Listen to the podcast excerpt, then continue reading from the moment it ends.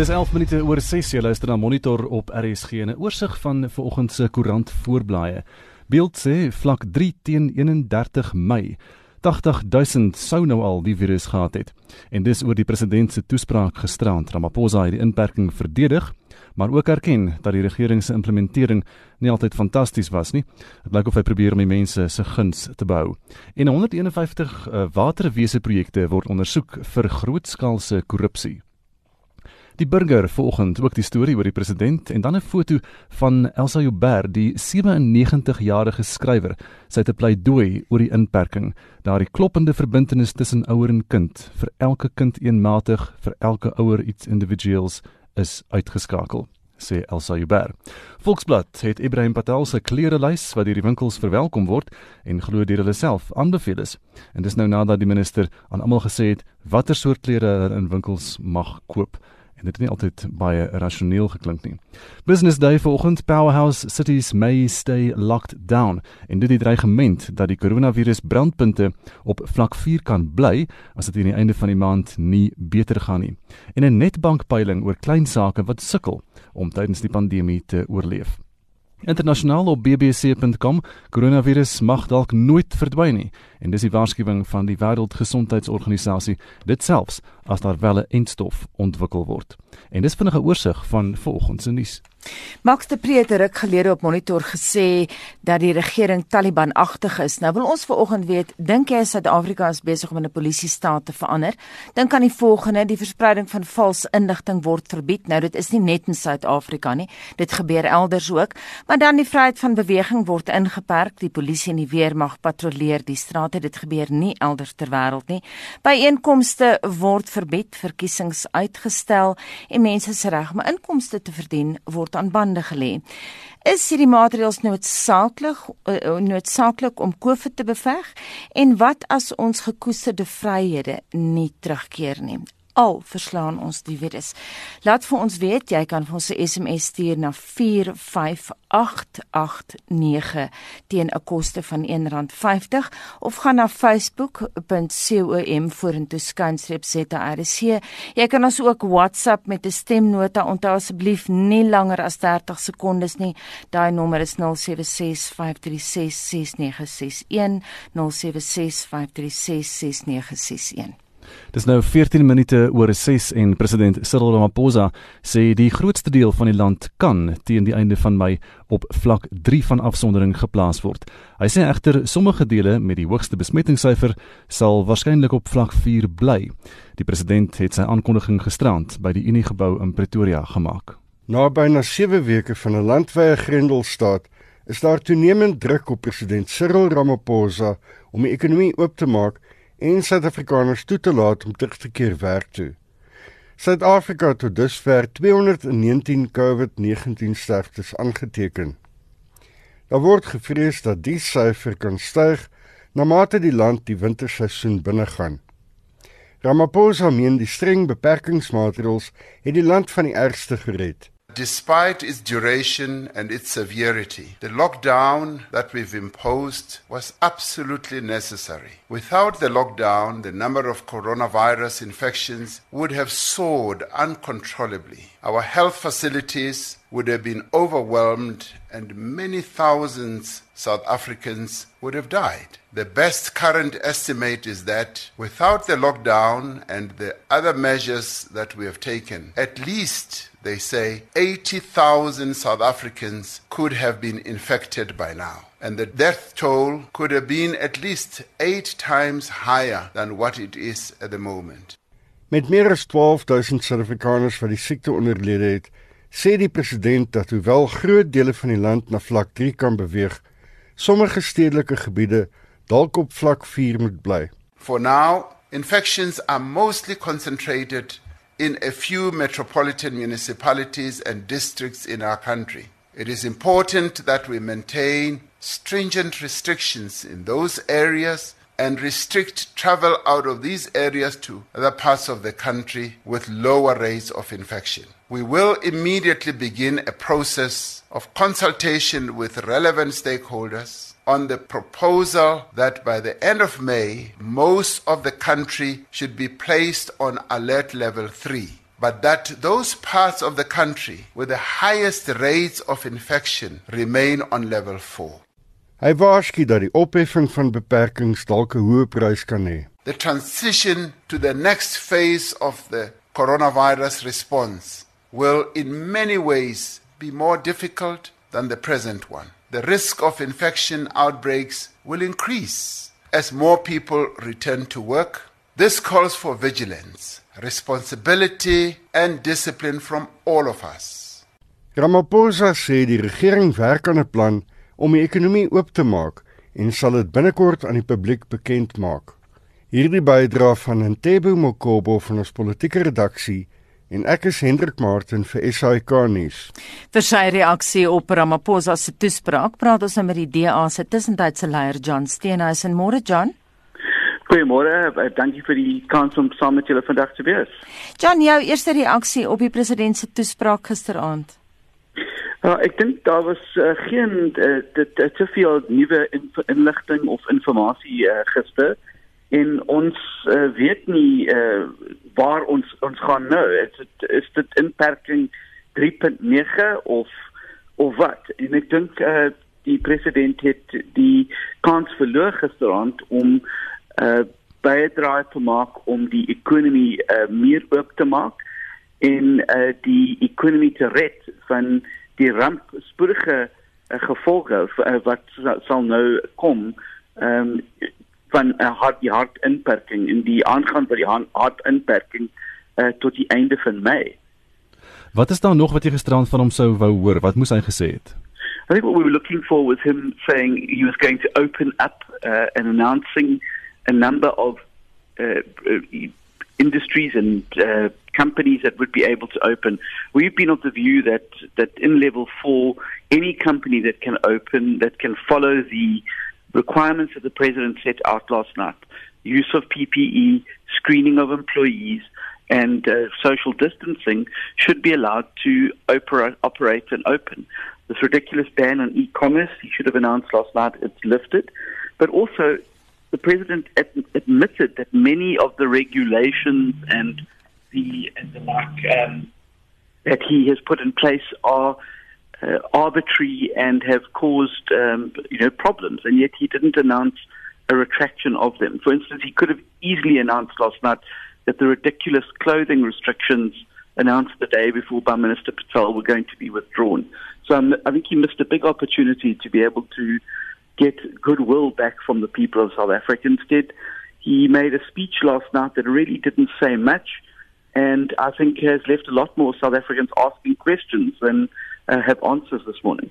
Ek sien onder andere Richard eh, Spoor het harde woorde gehad vir minister Patel. Hy blyk nie baie gewild op die oomblik te wees nie.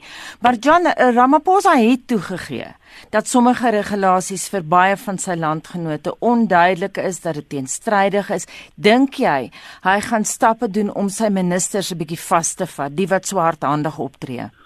Ek ek weet nie. Ek ek uh, dink dat dat hy het 'n geleentheid gisteraand om gesê dat foute was gemaak, maar hierdie is die dinge wat ons nou doen om daai regulasies terug te keer of uh of te verander. Maar hy het net gesê ons is jammer.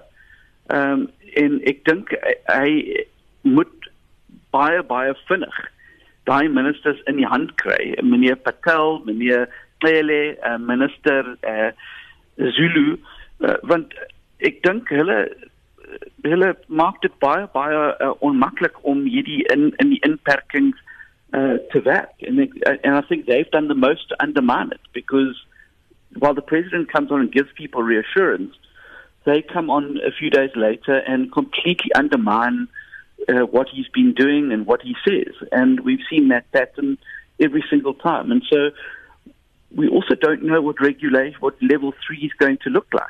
Uh, we don't have a concrete plan on the table. What is going to happen in level three? Um, or is he going to call for submissions to be made and ignore them like he did the last time? Uh, you know, so I think there's a long way to go through. I think, and I think the president really, out of all the speeches he's delivered over the course of the last uh, course of the virus, I think this was definitely one of the weakest speeches. John het so geskimp dat ons in die volgende paar dae van die ministers nou gaan hoor moontlik van e-handel, die aanlyn winkels uh, verkope en ook van oefening dat mense meer uh, as net tussen 6 en 9 in die oggend kan oefen. Dit behoort daarom goeie nuus te wees. Yeah, it is good news, but let's see what let's see what they say. Uh, you know, I don't think that we at the moment require a military curfew. That should be lifted. Uh, definitely, e-commerce should have been allowed from the beginning because it's the safest way for people to uh, access goods and services, uh, and for companies to practice social distancing. Uh, and this exercise thing has been the most ridiculous uh, situation. You basically turn the whole of South Africa out onto the streets in a narrow three hour band every day, and yet you're to try and keep people away from each other during this and, uh, and, and practice social distancing. It just doesn't make sense.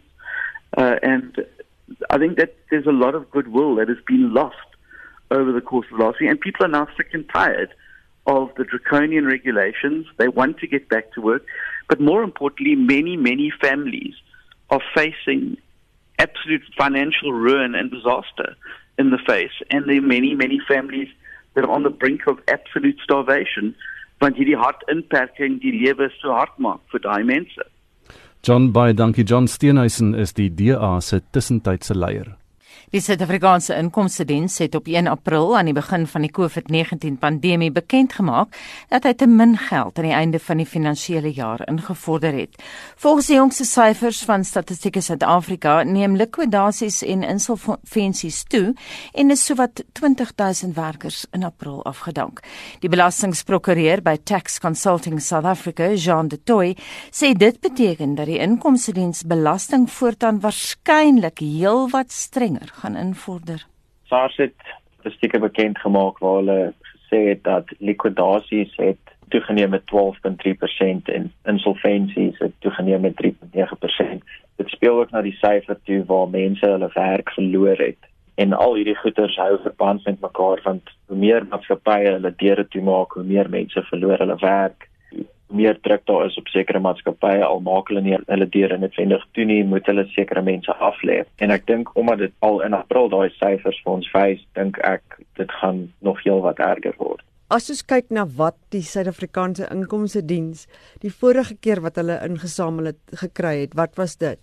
As ons kyk na die syfer wat die SAID bekend gemaak het op 1 April hierdie jaar het die Belastingdiens 'n totaal van 1.647 miljard rand ingevorder vir die finansiële jaar geëindig 3 Maart 2020.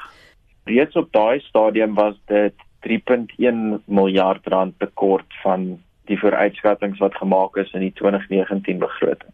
En met die pandemie is die vooruitskattinge heelwat swakker. Volgens die verklaringe deur die SAID word daar 'n tekort verwag van tussen 15 en 20% wat beteken die tekort kan strek tot 285 miljard rand vir die volgende finansiële jaar.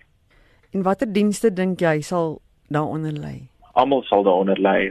Soos wat meer mense hulle werk verloor, minder belasting word ingevorder, meer mense word afhanklik van staatshulp, minder mense is ekonomies aktief sodat 'n uitkring effek vir veral mense wat laer inkomste verdien daaronder gaan lê, mense wat afhanklik is van staatshulp dit kan 'n situasie skep waar misdaad ook kan uitbrei omdat mense honger is. Natuurlik, in die eerste geval waar ons op 'n punt is waar die staat mense nie meer kan help nie en waar die ekonomie soveel ingekrimp het, kan ons moontlik op so 'n punt kom. Klein sake ondernemings. Hoeveel is gesluit vandat die pandemie begin het? Het julle daai tipe syfers? Ons het nie presiese syfers nie. Ons het op die statistieke gegaan wat die SAID bekend gemaak het. Hulle het 'n uh, steekproef gedoen van 'n sekere aantal besighede en op grond daarvan het 42% van besighede reeds gesê dat hulle nie die pandemie sal oorleef nie. 54% het gesê hulle gaan net tussen 1 tot 3 maande hulle deure kan oophou en 46.4 het reeds gesê dat hulle ten minste tydelik hulle deure alreeds toegemaak het.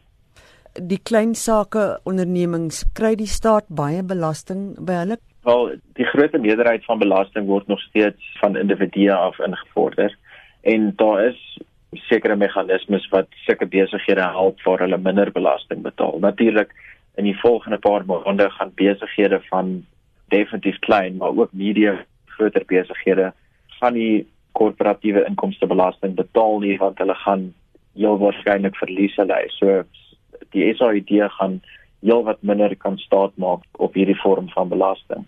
Hoe sien jy Suid-Afrika uitspeel na die einde van 2020 as 'n belastingkundige? Wel, ek dink die ekonomie gaan beslis krimp en dit gaan 'n uitkring effek hê waar minder belasting ingevorder gaan word vir belastingbetalers in Suid-Afrika. Ten minste gaan ons ek dink strenger invorderings van SARS sien. Hulle het nie 'n keuse nie, hulle gaan meer geld moet invorder. Ten minste tot die einde van die jaar dink ek nie ons gaan sien hoe ons uit hierdie krisis uit gaan kom nie. Ek dink dit gaan verder tot in volgende jaar ten minste nog voortduur.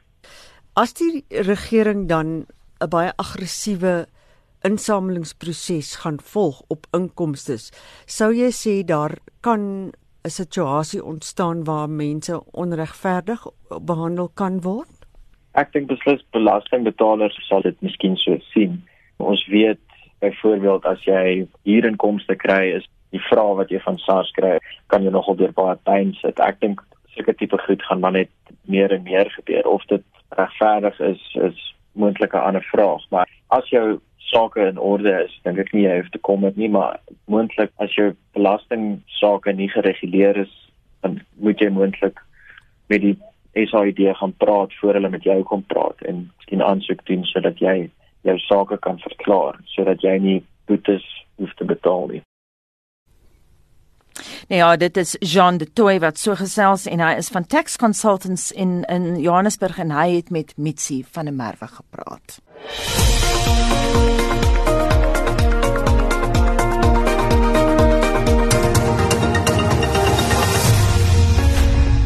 Vincent Claudie luisteraars oor 'n misbruik van mag op straat. En dit ek wil net by sê, um, ek kry oorheersende negatiewe um jy weet kommentaar van luisteraars af. So ek wil net by sê dat hierdie is die kommentaar van ons luisteraars. Dis nie van ons op monitor nie. Ek moet dit net by sê want dis redelik baie negatiewe kommentaar. Mense is nie um, gelukkig nie. Maar Fred Visser sê, glo dis nog net die begin. Nou Delmarie sê, die was al lankal beplan. COVID-19 was nou maar net 'n kersie op die koek gewees. Edward Stika Maritjie sê ek dink alles is om COVID-19 te beveg. En dan sê John Roo, dis maar baie dieselfde in ander lande. Miskien is die vraag dan of die wêreld 'n polisie staat word. Stefan Beker sê ons is piep vol. Dis waar ek dit daar los en dan sê hy pas op dat ons nie by mekaar staan en die strate invaar. Mense moet begin werk om kos op tafel te kan sit. Dion de Toy sê ons mag sement en motors koop, maar nie broeke nie. Kom ons kom ons hou 'n broeklose protes optog optog heeltemal wettig sê Dion de Tooi. Maar dan is daar ook lekker stemnotas in dit Ek dink die een ding wat ehm um, Cyril Ramaphosa gisterand gesê het wat waar is is dat die mense na hulle self moet kyk. Hulle eie higiëne hulle eie beskerming moet doen. Dit wil sê my opinie is as jy wil rook en jy wil share jou sol dan kan jy dit doen maar as jy eie persoonlike probleem as jy dan die uh, virus optel. Andersins dink ek as jy jou eie ding doen op die regte manier, kan jy jouself beskerm. Ek deel ek tog nooit in my lewe 'n sigaret met iemand gedeel nie. Nog nooit 'n koeldrank met iemand gedeel nie. So ek dink net die mense in hierdie land moet meer bewus raak van om na jouself te kyk, na jou kinders te kyk, na jou gesin te kyk. En ek dink die regering moet begin om ons te vertrou en respek te toon aan die mense se regte. Ja, die regering doen wat die beste is in hulle vermoë en, en hulle is ook onder groot druk. So ek dink dis goed genoeg wat hulle doen en ons moet net daaraan uh, uh, gehoorsaam is dat dit gehoor kan die weggeruim word die virus dat die kritisering en die uh, klaarheid gaan niks help nie. Wil ons verder dan ons luisteraars se menings hieroor hoor. Ehm um, is Suid-Afrika besig om in 'n polisie staat te verander? Ehm um, ons wil by jou hoor stuur vir ons jou SMS na 4588910 R50 per SMS of gesels saam op facebook.com vorentoe skynstrip ZARSG. Jy sal sien mense is daar besig om lekker kommentaar te lewer en jy kan ook 'n stemnota van so 30 sekondes stuur. Ons nommer daar is 076 536 6961. Dis nou so 21 minute voor 7 op Monitor en ons beweeg na die sportveld met Shaun Jooste. Ons val weg met rugby nuus. Die 21 dae periode vir Suid-Afrikaanse rugby spelers om kontrakte met oorseese klubs aan te gaan eindig vandag. Die Suid-Afrikaanse rugby en die My Players organisasie het 'n ooreenkoms in April opgestel dat loonverlagings geïmplementeer kan word met spelers die kans gegee word om hul kontrakte in Suid-Afrika op te gee en by oorseese spanne aan te sluit indien hulle die geleentheid kry. Die Stormers het intussen bevestig dat die veelsidige agterlynspeler Dylan Leeds in Frankryk by La Rochelle gaan aansluit. Leeds het 'n kontrak met die Franse klub in Maart reeds geteken. Die stad Wilke Lou het ook vroeër die jaar aangekondig dat hy na die Super Rugby reeks by die Harlequins in Engeland gaan aansluit. Die Stormers verwag om meeste van hul grootnaam spelers te behou. Cricket Die internasionale kriketraad het aangekondig dat die kwalifikasieringsrondes vir aanstaande jaar se vroue wêreldbeker in Nieu-Seeland en die onder 19 wêreldbeker toernooi in 2022 gekanselleer is. Kwalifisering vir die vroue wêreldbeker sou tussen 3 en 19 Julie in Sri Lanka en vir die onder 19 toernooi tussen 24 en 30 Julie in Denemarke plaasvind. Die onder 19 toernooi se kwalifikasieringsrondes wat vir Tansanië en Thailand geskeduleer is, is ook in gedrang. Atletiek nuus. Die uitvoerende hoof van Britse Atletiek, Joanne Coates, het bevestig dat die Diamantliga byeenkoms in Londen gekanselleer is. Die byeenkoms sou op 4 en 5 Julie by die Londen Stadion, wat ook vir die Olimpiese spele in 2012 gebruik was, plaasvind. Die eerste 6 bene van die 2020 seisoen is reeds weens die koronavirus pandemie gekanselleer. En laastens in golfnuus. Ons herinner graag dat vroue golf in Suid-Korea vandag hervat word. Die Koreaanse PGA Kampioenskappe het reeds afgeslaan met 3 van die wêreld se top 10 spelers wat deelneem. Hulle is die nommer 3 Sung-hyun Park, nommer 6 Se-young Kim en nommer 10 Jong-hyun Lee. Die toernooi word agter geslote deure gespeel. In die Amerikaanse Ryder beker spankaptein Steve Stricker het Davis Love die derde en Zach Johnson as onderkapteins aangewys. Die Ryder beker is steeds vir 25 tot 27 September by Whistling Straits in Coleraine, Wisconsin geskeduleer. Europa is die verdedigende kampioene na 'n oorwinning in Frankryk in 2018. Shaun Schuster, SAK Sport. Burgerregte groepe dwars oor Afrika sê regerings is besig om menseregte skendings te pleeg onder die dekmantel van COVID-19.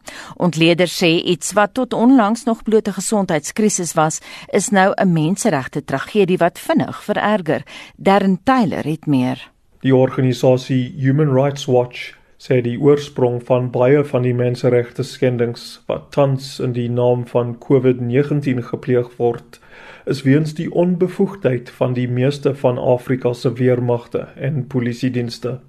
When you have soldiers or policemen or other paramilitary units who do not know how to manage non-violent, non-political crisis without resorting to lethal force, the problem you have is widespread abuses, especially when the laws are vague and ambiguous. Mausi Segun, wat in Abuja, Nigerië gebaseer is, is die groep se direkteur vir Afrika. Sy gebruik Rwanda as 'n voorbeeld van 'n land wat vaar regulasies ingestel het, soos die verbod op die sogenaamde onnoodsaaklike beweging en besoeke buite die huis What does that even mean? A shopping trip to the market, is that a visit outside the home? Is it a necessary movement? So you've seen people have been stopped on their way to shop for groceries and they are beaten by police. Omdat die wette en reëls so onduidelik is, sê Segun, moet individuele polisiebeamptes en soldate probeer om hulle te interpreteer wat dikwels verwarring en geweld veroorsaak. Sy sê sy het onlangs in Abuja aanskou hoe die polisie 'n man stop om hom daarvan te beskuldig dat hy buite sy huis was vir onnoodsaaklike besigheid. He stripped himself to his underpants to show the police who were arresting him that he had nothing on him except the cash that he, he was taking to go shop for food for his family. Yet he was arrested, tried, and sentenced to six months community service. That is an abuse because if food is not necessary, what is necessary? Segun sê baie van Afrika se politieke leiers skroom nie om geweld voort te hou as die beste manier om die verspreiding van koronavirus te voorkom nie. Kenia en Suid-Afrika is net twee van die lande waar veiligheidsmagte mense onder die inperkingsregulasies doodgeskiet het. Why are police allowed to use live bullets to enforce restrictions around a public health crisis? So the attempt to enforce the restrictions to keep people safe from getting infected and dying from an infection is ending up killing more people than the infection itself. Segun sê sommige polisiebeamptes en soldate gebruik die Grendelstaat om selfmisdaad te pleeg. In Rwanda, we've heard about cases of security forces taking advantage to rape women. Some in their homes, if they are supposed to stay home and they cannot be safe at home, where does a woman flee to? when there is a curfew in place, when there is restriction of movement. I mean, I know that in some countries. Sy sê tydens rampe, wanneer mense reeds getraumatiseer is, is dit belangrik dat die owerheid mense se vertroue wen met hulle respekvol kommunikeer en opvoeding aan hulle verskaf. We need everyone's cooperation. It's, it's for their protection and the protection of everyone in the community, and I dare say across the world that we have people obey these rules, but the means with which we persuade them, and that's the key word, persuasion, has to change. It cannot be the language of force. Human Rights Watch moedig die gebruik van gespesialiseerde groepe aan, anders as die polisie en weermag, om mense aan te spoor om COVID-19 inperkings te gehoorsaam. Een van die groepe werk in Abuja They are called civil defense. It's a paramilitary unit. Most of them do not carry any arms. What they do is to come in when they see people flighting the roads. They speak to you. They encourage you to go back home, and you will see people comply. Segun sê vorige Ebola-epidemies en nou die koronavirus het bewys dat die gebruik van geweld om nood- en inperkingsregulasies op mense af te dwing slegs dien om burgerlike ongehoorsaamheid aan te help en dus om ironies genoeg die perfekte toestande te skep vir 'n siekte om te versprei. Ek is Darren Taylor in Johannesburg. 14 voor 7 en die burgerregte organisasie AfriForum sê die Suid-Afrikaanse regering is besig om die COVID-19 pandemie te misbruik om sy ideologie te bevorder. Hulle skryf in 'n verklaring dat burgers se regte op 'n ingrypende manier geskend word. Vir meer hieroor praat ons nou met Afriforum se hoof van gemeenskapsveiligheid, een Cameron. Goeiemôre een. Goeiemôre. Dis nog 'n ernstige standpunt. Hoe staaf julle dit? Ek dink dit is belangrik om 'n bietjie konteks te gee. In die eerste plek sien ons dat die Suid-Afrikaanse regering besluit het om sekere gedeeltes van die gemeenskap, sekere gemeenskappe in Suid-Afrika uit te sonder uh wanneer dit kom by staatshulp in die moeilike tyd byvoorbeeld met SEP regulasies wat wat toegepas word wanneer dit kom by enige finansiële hulp aan kleiner besighede.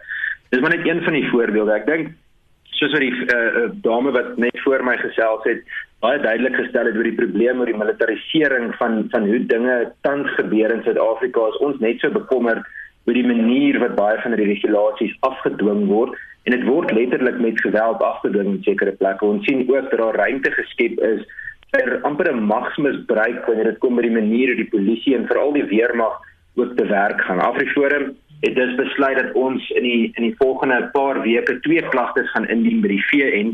Ehm um, een gaan wees by die Forum vir Minderheidsregte en uh, en dit gaan spesifiek handel daaroor dat hier 'n onregverdige benadering is wat spesifiek minderhede benadeel in die proses wat die Suid-Afrikaanse regering tans volg.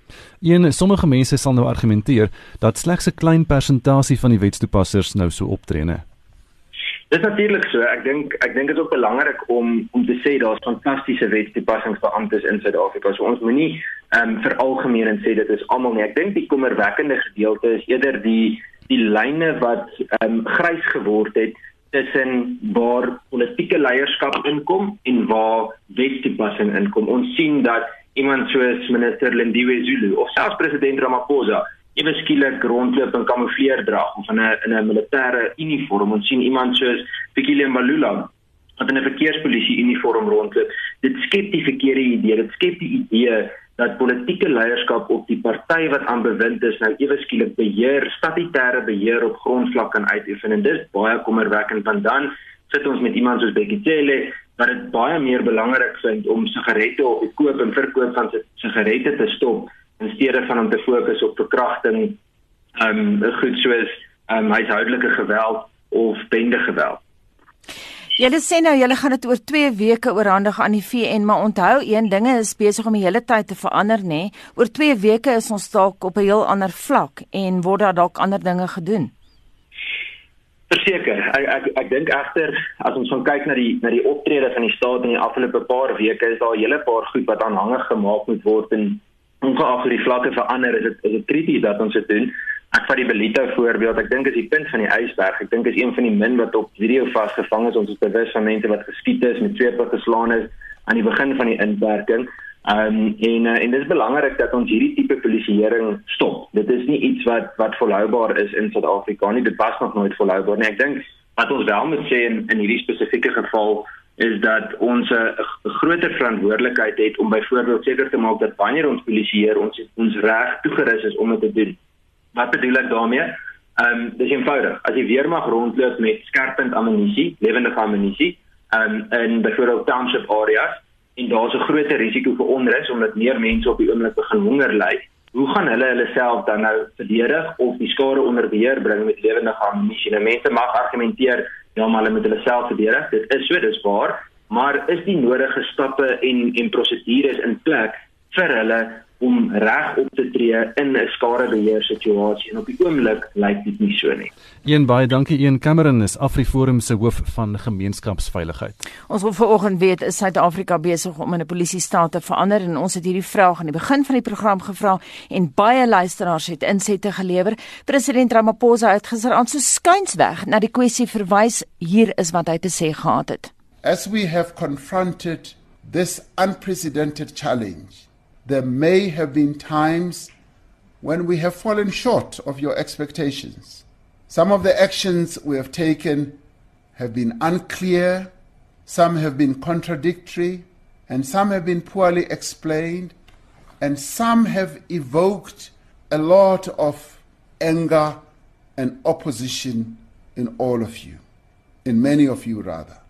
Implementation has sometimes been slow and enforcement has sometimes been inconsistent and too harsh.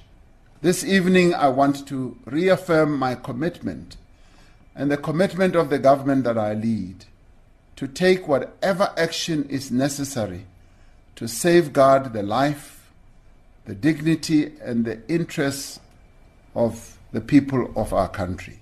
Professor Jolien Steyn-Kotze, 'n senior navorsingsspesialis in demokrasie en burgerskap by die RGN, het onlangs 'n artikel geskryf met die titel Viral Unfreedom in the Era of COVID-19. It's all about trust en ons praat nou met haar. Goeiemôre. Goeiemôre. Wat is die sentrale tema van jou artikel?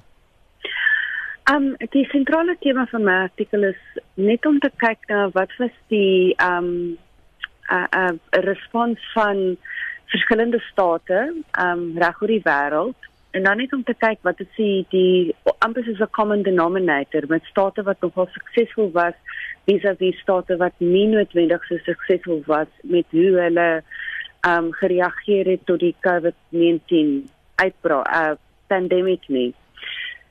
So een van die sentrale goed waarna ek gekyk het was na lande uh, um waar mens gesien het jy het 'n verskriklike groot uh uh uitbreek en dan lande waar mense dit nogal onder beheer kon bring. En 'n sentrale tema wat dit nou daar begin uitkom het is dat dit gaan oor die verhouding tussen staat en burgers en dat burgers die staat moet vertrou, maar meer belangriker, die staat ook burgers vertrou dat hulle die regte ding sal doen. Jolien, is daar nog vertroue uh, wat Suid-Afrikaners het in die regering? Mense sien so baie kritiek op sosiale media. Wat dink jy as akademikus? Weet jy, ek dink dit is 'n kwessie van daar is uh, uh nie meer vertroue nou nie. Ek dink 'n kwessie is as 'n mens kyk na Suid-Afrikaners oor die algemeen Oor die laaste klompie jare het politieke vertroue in die land nogal verskriklik baie afgeneem.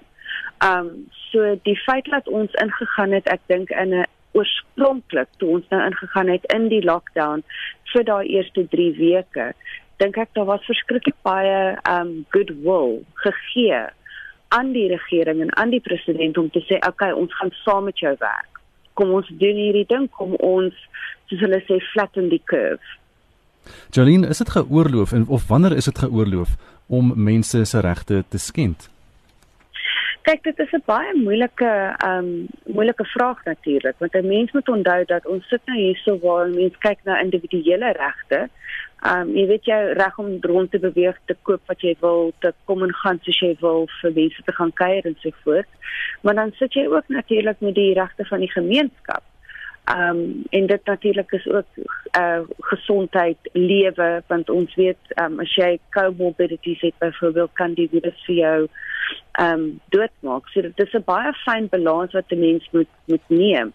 En wat die staat oorspronklik moes gedoen het was om te sê, "Oké, okay, ons gaan ons doen dit hierdie, ons doen hierdie nou in die belange van die meerderheid um, of van die groep."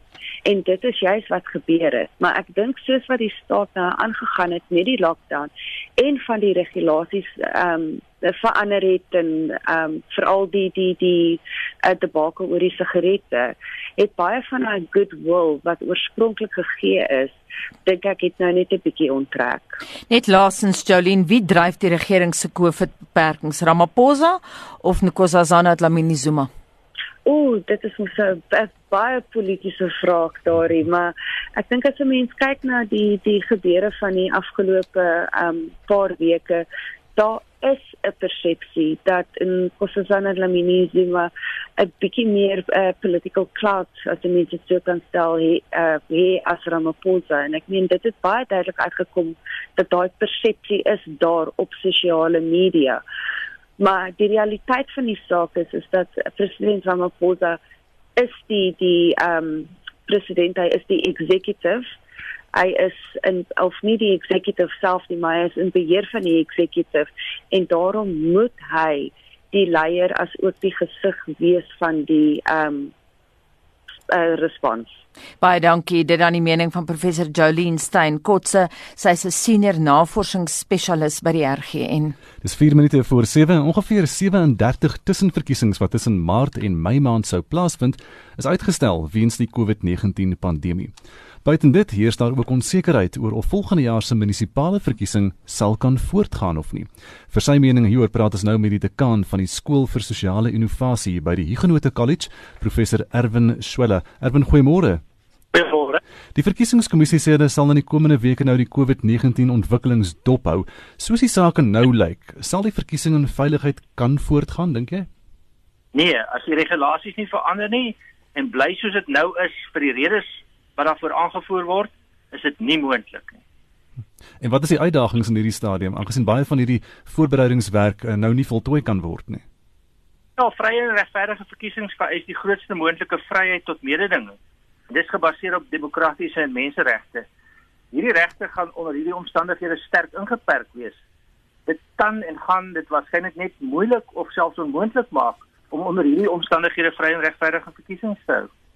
Wat beteken dit vir die vir die politieke partye wat nou uh, nie kan veldtogte hou nie? As die verkiesings wel voortgaan, wat ek vermoed nie gaan gebeur nie, en hierdie beperkende regulasies op byvoorbeeld die vryheid van beweging en byeenkoms van die partye hulle intense mededinging vermag in hierdie proses. Uh die regulasies manipuleer manipuleer, hulle self probeer bevoordeel of dit ignoreer of uiteindelik beveg. Dis uiteindelik tog net politiek. Hmm. Die verkiesingskommissie sê ook dat dit die ideale geleentheid is om na alternatiewe elektroniese maniere van verkiesing hou te kyk. Wat is die opsies vir ons? Nou, teoreties en tegnologies is daar reeds baie en groeiende ehm um, tegnologiese gevorderde opsies vir gebruik van tegnologie vir verkiesings. Maar dit is vir verskeie redes ook weens tegnologie en politiek. Veral hier, maar ook elders in die wêreld is dit baie moeilik want dit is gekompliseer. Daar's groot uitdagings daar's voorbeelde waar die tegnologie nie op gelyke basis beskikbaar is nie, waar die tegnologie gemanipuleer kan word en ons sien dat dit eintlik geprobeer word in die wêreld, maar dit wils ook nog onderdruk is in die slaag nie. Nou die ander probleem waarmee die verkiesingskommissie sit is volgende jaar se groot munisipale verkiesing. Wat voorspel jy gaan daar gebeur? Nou dit hang natuurlik af van wat met die met die COVID uh, veldtog gebeur en wat met die virus gebeur. Ehm um, as as dinge nie verander op 'n op 'n baie dramatiese wyse nie, dan is die verkiesing selfs onder druk, maar ek dink dit is nog ver te vroeg om te voorspel. Sou so 'n verkiesing uitgestel kan word en hoe lank kan dit uitgestel word? Nou ons uh, het nie gedink dat die Olimpiese spele kan uitgestel word nie, dit is. So dit sou kon uitgestel word onder die omstandighede as dit noodsaaklik is, sal dit ook uitgestel word. Dit sal groot impak hê op uh, op die demokratiese prosesse en op die stand van die politiek in die land, maar as dit moet Ehm um, in 'n in 'n verkiesing gaan die situasie soos hy nou uitspeel en die manier hoe ons onder die ramptoestand leef, die verkiesingsuitslag beïnvloed. Dis moeilik om te sê want uh, uh, in hierdie situasie is uh, is 'n week soos ons gesien het nou ook ten opsigte van die evaluering van die president se se optredes is 'n baie baie lang tyd. Dis normaalweg ook 'n lang tyd 'n week in, in die politiek. Dit hang baie af van hoe die ding uitspeel en die interessante en moeilike situasie is is dat niemand het regtig hieroor beheer nie. Ehm um, so mense kan jou beste probeer onder die omstandighede, maar sukses is nie gewaarborg nie en mislukking is gewoonlik aangedui en dit het 'n impak op die evaluering van die kiesers op die optrede van die regering en in die opsig is oppositie in 'n effens beter posisie as die regering want hulle hoef nie eintlik uit te voer wat hulle ehm um, beplan en aanbied. Baie dankie professor Erwin Swelle, dekaan van die skool vir sosiale innovasie by die Huguenot College, te 7 uur en nuustyd.